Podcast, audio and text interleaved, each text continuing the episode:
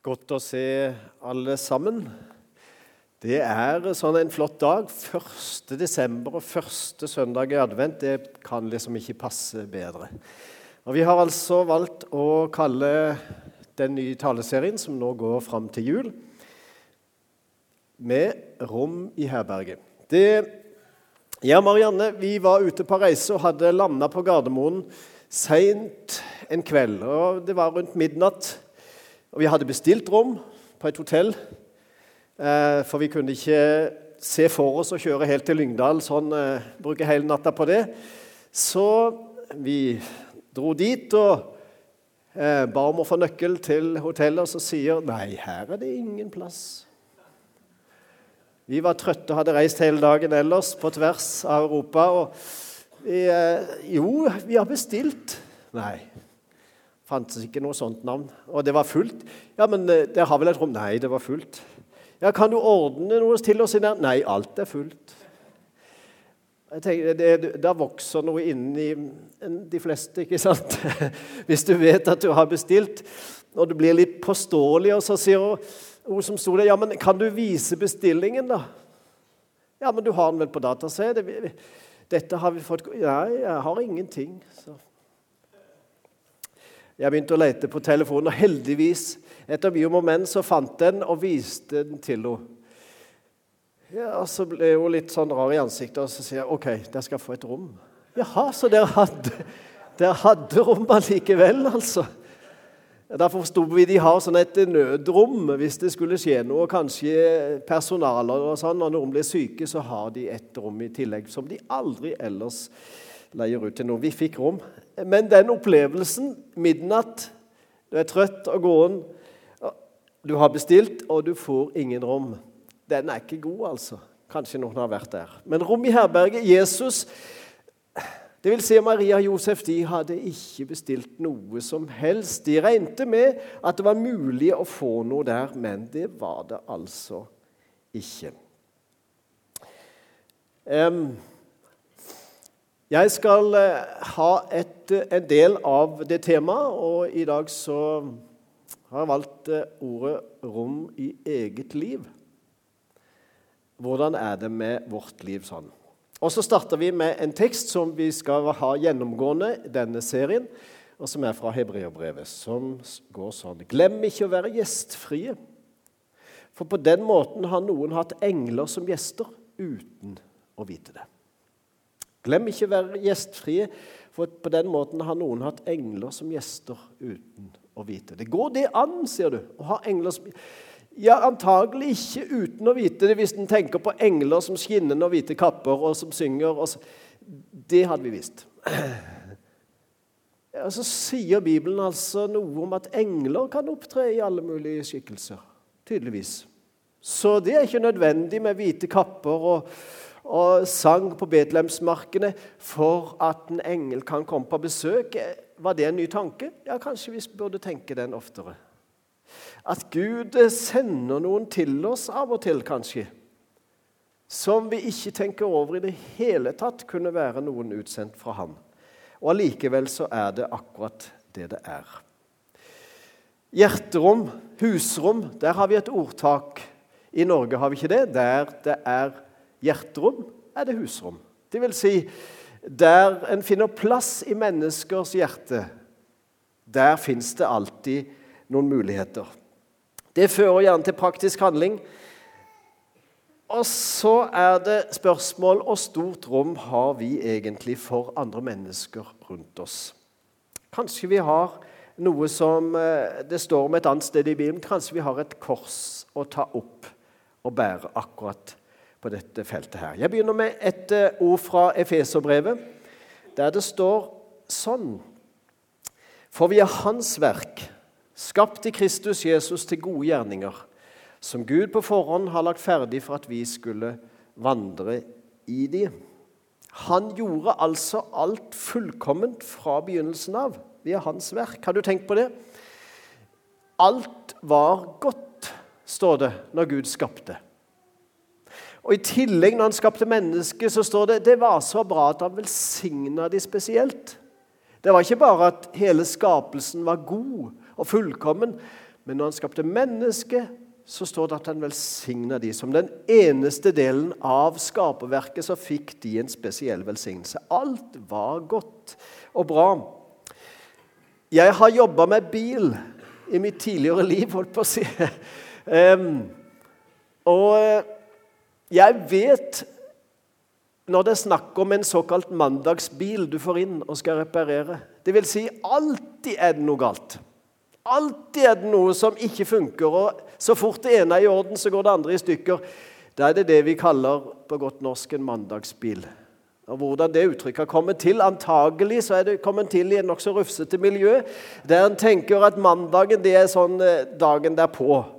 Etter fest og elendighet eh, holdt på å si, så, så er det ikke helt på plass. Og Det som produseres tidlig en mandag morgen, det er ikke sikkert det blir som det skulle være.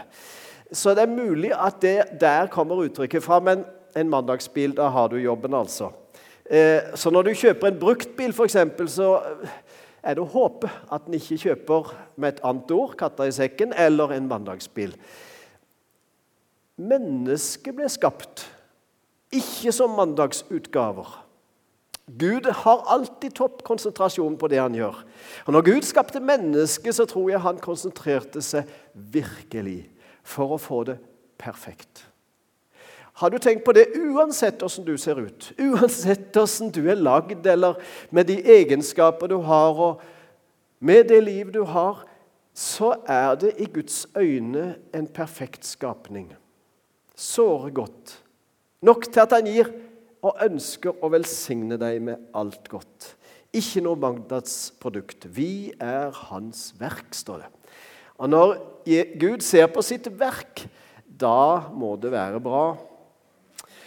Um, og så kom synden inn i verden, står det. Synden ødela så mye og førte til en slags dødsprosess der ting ble degenerert og fikk sine skavanker.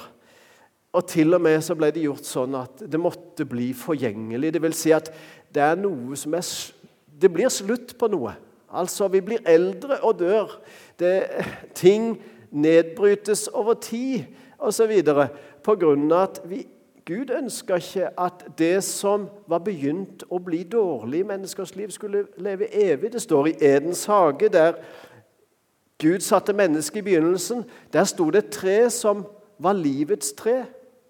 Og han sa når, når de nå har valgt og gjort imot min vilje, gjort synd, så må de ikke komme til det, for da vil de leve evig med sin elendighet. Og Dermed tok han de ut av Edens hage. Og Så er det flott da på slutten av Bibelen og Jeg har sikkert sagt det før, men på slutten av Bibelen igjen, når du leser i den siste boka i Bibelen, så står det og når vi kommer til himmelen og den nye himmelen og den nye jord, så står det så står livets tre der igjen. Helt tilgjengelig. For da er alt det gamle borte. Da er synd, slutt på synd og elendighet og nød og død og sykdom. Da kan vi spise av livets tre så mye vi vil. Men i utgangspunktet var alt helt topp. Så vi er hans verk. Så spørs det da åssen det er med rommet i livet vårt, egentlig. Og da tenker jeg rommet i hjertet. Og Det er jo ikke et fysisk rom i den forstand, men det er et rom som vi skaper for våre omgivelser. Det er et rom som enten er lite eller stort. Det er et rom som vi har bestemmelse over, altså.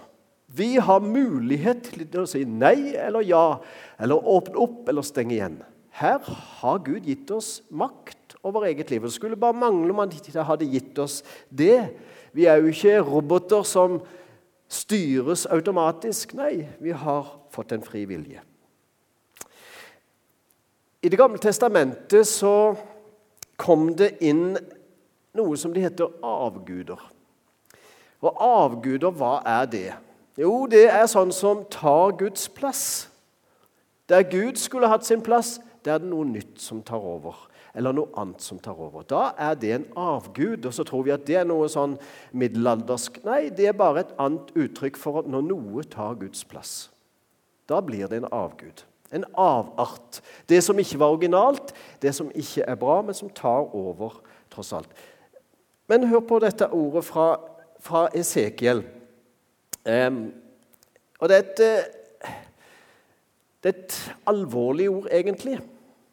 Der står det sånn Derfor skal du tale med dem, altså Gud sier til profeten Esekiel. Og si til dem, så sier Herren, om en eller annen av Israels hus gir avgudene rom i hjertet og setter framfor seg det som får han til å falle i synd, og så kommer til profeten, da skal jeg, Herren, svare ham og hans mange avguder som fortjent. Det vil si, det får sine konsekvenser, det, å bytte ut Gud.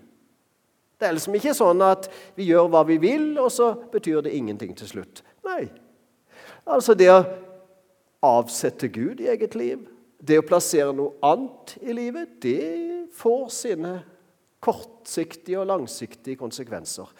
Der er Bibelen tydelig, og der vil jeg være tydelig. Vi har valg i livet, og de valgene får konsekvenser. Det vet vi stort sett i hverdagslivet, men slik er det i forhold til Gud òg. Avsetter vi Gud i eget liv og setter inn noe annet i den plassen, så får det en konsekvens. Og Gud måtte si det til, Jesaja i sin, eh, til Esekiel i sin samtid at nå må du si til folket det der, der. At hvis de bytter ut meg og setter inn avguder isteden, så får det et gjensvar. Så blir det en konsekvens av det. Og Jesaja måtte ut og prate med folk og si akkurat det. Um, gi rom i hjertet, ja. Hva har vi egentlig plass til i hjertet? Et annet uh, skriftord fra Nytestamentet denne gang. Det var Paulus som, som sier da. Han sier vi har nå talt rett ut til dere korintere. Da snakker han til menigheten i Korint. Dere har stor rom, stort rom i hjertet vårt.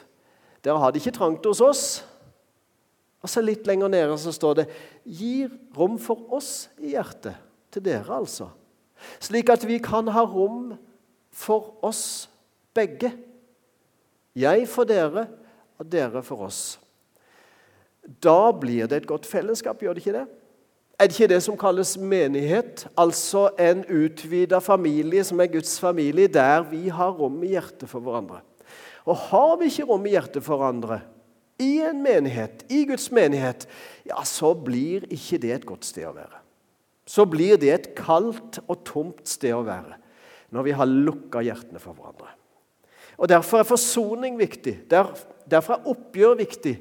Derfor er det å ordne opp med hverandre viktig. For vi er mennesker. Vi tråkker litt feil og sier et ord for mye eller for lite.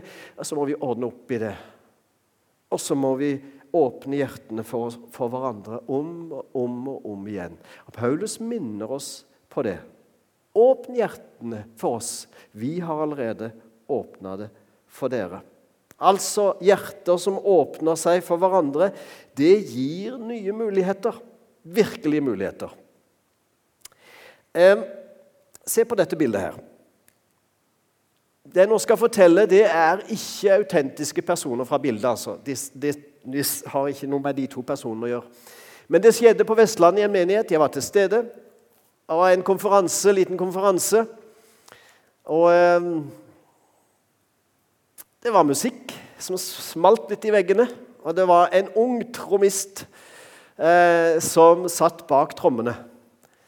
Eh, vanligvis i den menigheten der så hadde høy musikk, eller musikk med trommer og litt moderne stil, da, det hadde hatt veldig trange kår. altså. Veldig vanskelig. For der var det noen ledere, spesielt en gammel kar.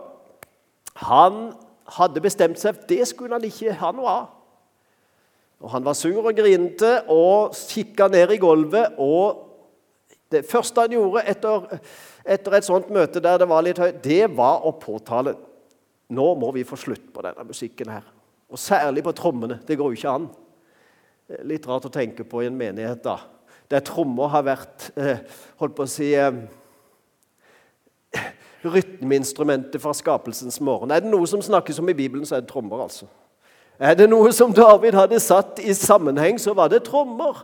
Og rytmemusikk, rytmemusikk med trommer det florerer jo hele Bibelen. Så fort det er snakk om sang og musikk, så er trommene der. altså.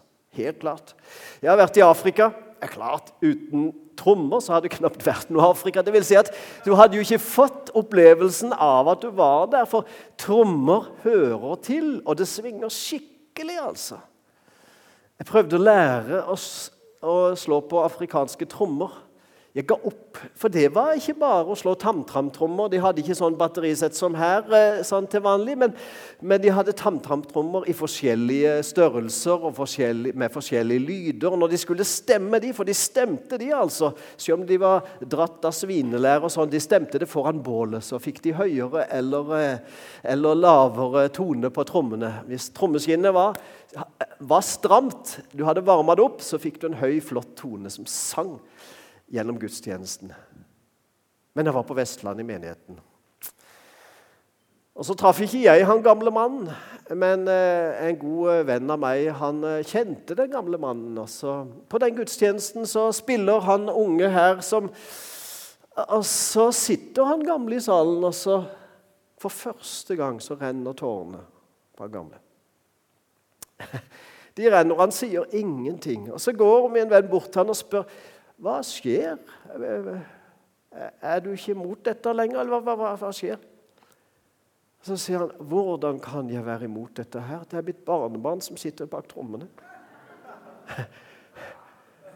Det er mitt eget kjøtt og blod. Hvordan kan jeg protestere på det lenger nå?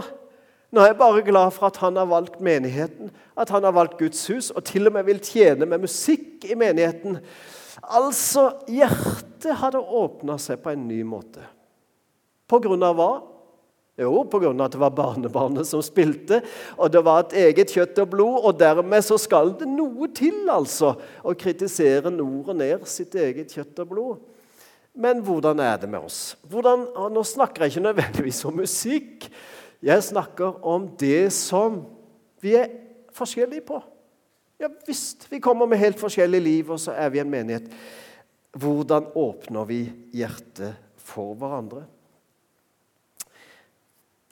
Det, jeg syns en har sagt det veldig bra. En som heter Jim Ron. Han sier det sånn Hvis vi virkelig vil noe, så finner vi en løsning. Hvis vi ikke vil noe, så finner vi en unnskyldning. Jeg skal gjenta den. Hvis vi virkelig vil noe, så finner vi en løsning. Hvis vi ikke vil, så finner vi alltid en unnskyldning. Jeg tror han har rett. Hva passer på vår menighet? Og Nå snakker jeg ikke om menigheten nødvendigvis, men jeg snakker om hva passer på vårt hjerte. da? Hva passer på vårt liv? Er det rom i livet vårt for uh, nye muligheter, for annet syn, for et utvida rom der vi tar andre mennesker inn i? Vi har ting å rydde opp i i eget liv. Ja visst har vi det. Av og til så trenger vi å rydde. Og Av og til så trenger vi å åpne hjertet for noe nytt. Jeg elsker det ordet, eller den setninga som utfordrer oss til å si at 'gå sakte over torvet i byen' når du går over torvet. Ikke spring. For det sier noe om at Og selvfølgelig har det litt med tidsperspektiv, men av og til også med oss som stresser litt, at vi har liksom ikke tid til noen ting annet enn det vi har planlagt på forhånd. Det fins liksom ikke rom mer i vår kalender og på vår klokke på vår dag. Men hvis vi planlegger livet litt mer om, at vi har tid til å gå sakte over et torg og stoppe når noen trenger vår oppmerksomhet, ja, så tror jeg vi begynner å utvide hjertet vårt. Jeg tror, som det ble sagt, at det er nok stress til alle. Jeg tror at det er nødvendig å stresse ned av og til i vårt samfunn. Jeg eh, tror at vi trenger å lage litt rom. Derfor var de åra jeg hadde i Afrika, en læreperiode fra ende til annen. Med å skape rom, med å skape tid, med å skape mulighet for møter menneske og menneske imellom. Og hvis vi ikke hadde det, så hadde vi ikke noe der å gjøre. Det fikk vi klar beskjed om. Liksom, vi hadde ett år på oss, og greide vi ikke å justere om vårt eget tempo til det som var rundt oss, så fikk vi bare dra hjem. Og det var sant. Men greide vi å tilpasse oss, det vil si ikke tilpasse oss i den forstand at vi skulle gli inn og ikke bety noe som alle Nei, hvis vi greide å åpne oss for andre mennesker, være til stede, gå i det rytme som naboen min gjør ha tid til å hilse når jeg treffer han, ha tid til å stoppe og slå av en prat når jeg ser at noen har det vondt og vanskelig.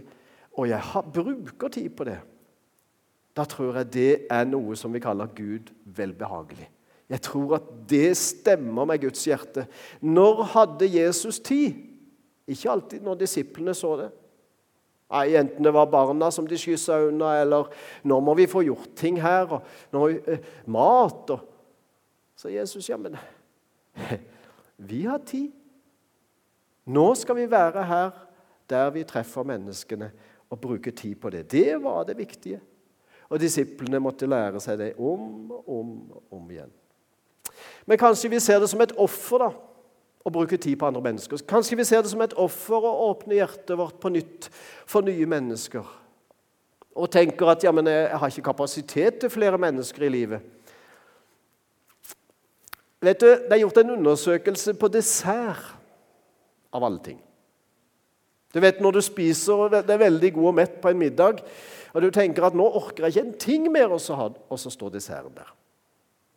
Så tenker jeg jeg orker ikke dessert i dag. Vet du, Det er vitenskapelig bevist at det kan du. I hvert fall hvis desserten er søt. For søte ting det utvider magesekken. Visste du det? Det er fysisk bevist altså, at når du spiser søte ting, så har du plass til litt mer. Om det er sunt eller ikke, det er et annet spørsmål. Men, eh, men eh, så spørs det hva er det vi egentlig har plass til i livet? Når vi tenker at nei, nå er det fullt. Nå kan jeg ikke mer. Nå vil jeg ikke mer. Nå må jeg ikke mer. Nå greier jeg ikke mer mennesker. Nå orker jeg ikke andre inn. Nå lukker jeg meg litt til.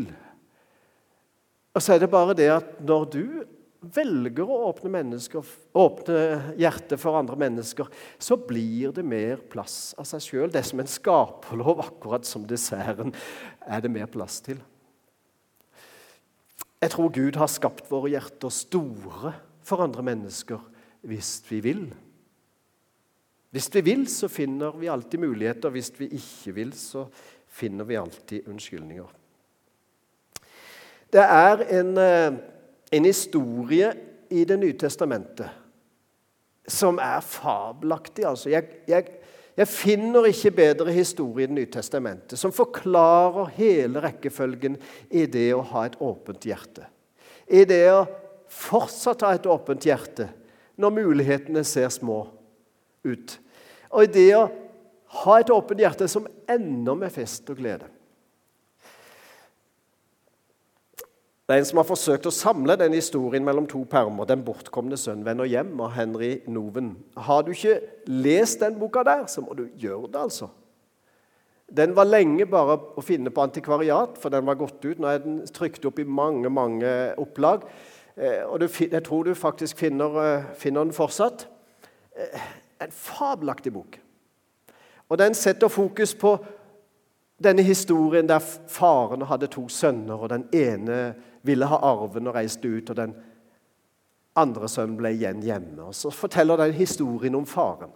Den forteller historien om den sønnen som reiste ut, og den forteller historien om den sønnen som var hjemme. Og Så ser det fra tre viktige vinkler, alle sammen.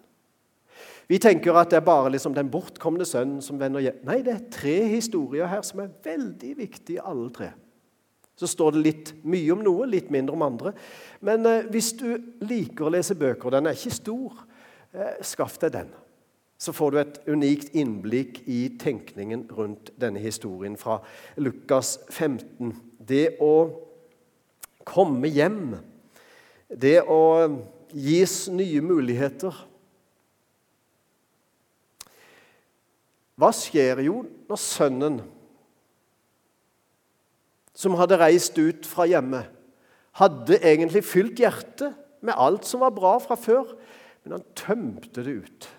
Og bytta ut alt som var i hjertet, med noe helt annet. Det står at han levde et vilt liv. Og Han brukte opp pengene og levde på tvers av alle sine tidligere verdier. og liksom Han åpna hjertet for helt andre ting. Og Da kan vi si at han bytta ut Gud med noe helt annet. Og han fikk avguder inn i livet. Og til slutt så ender han altså i total tomhet.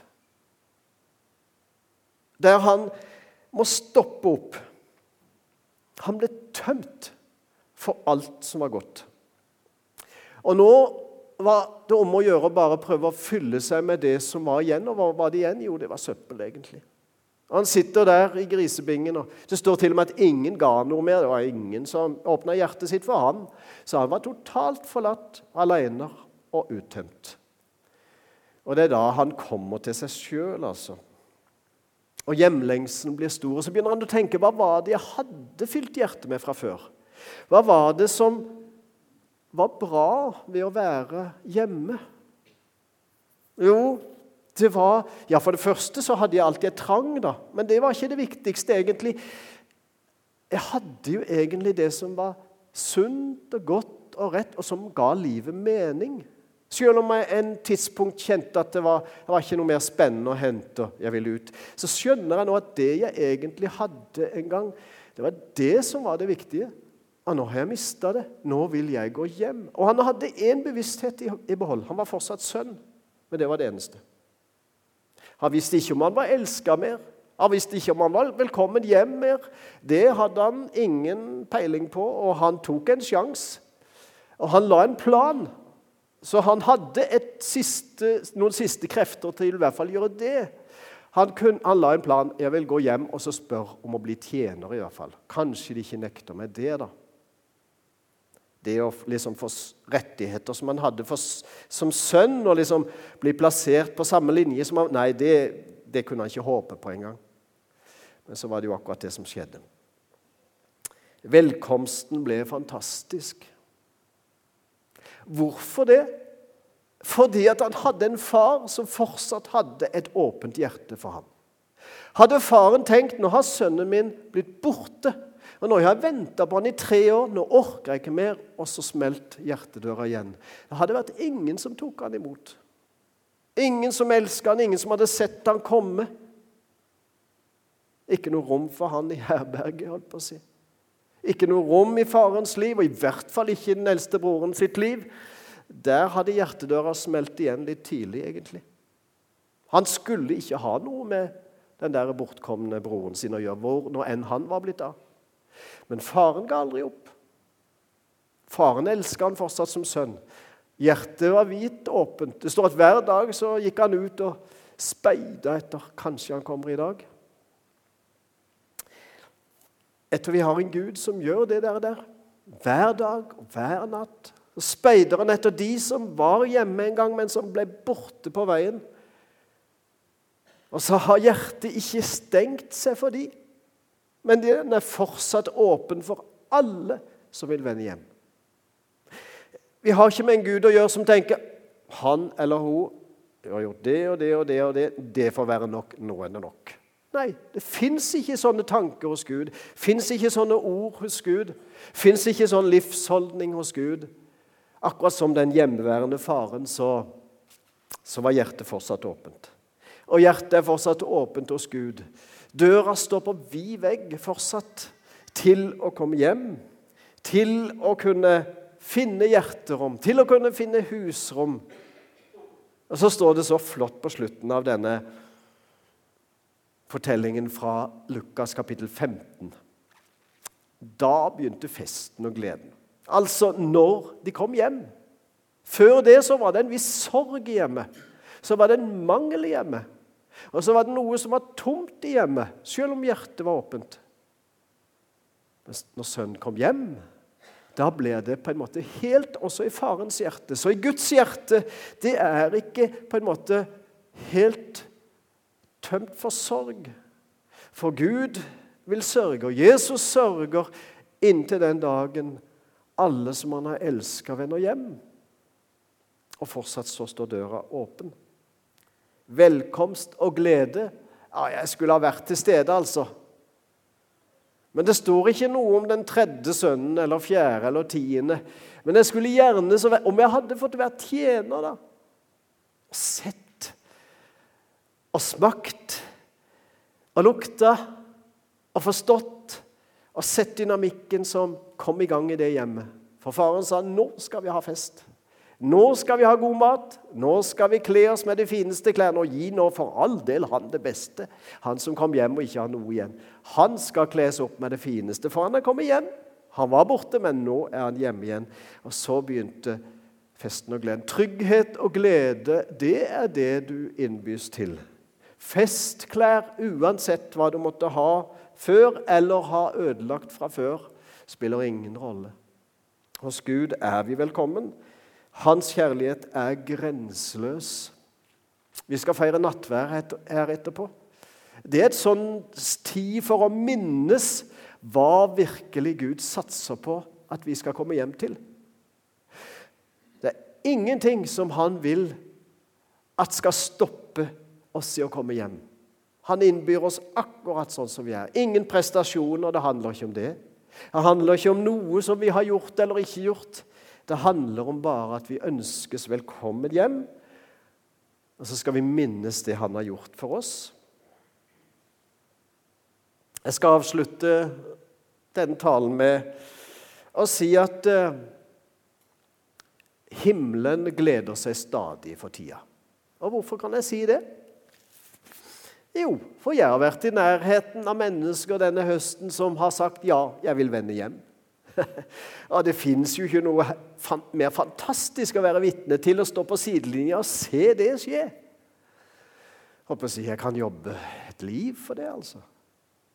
Det å se når lyset går opp i øynene, det å se noen vende hjem, og hva som skjer fra innerst til ytterst da.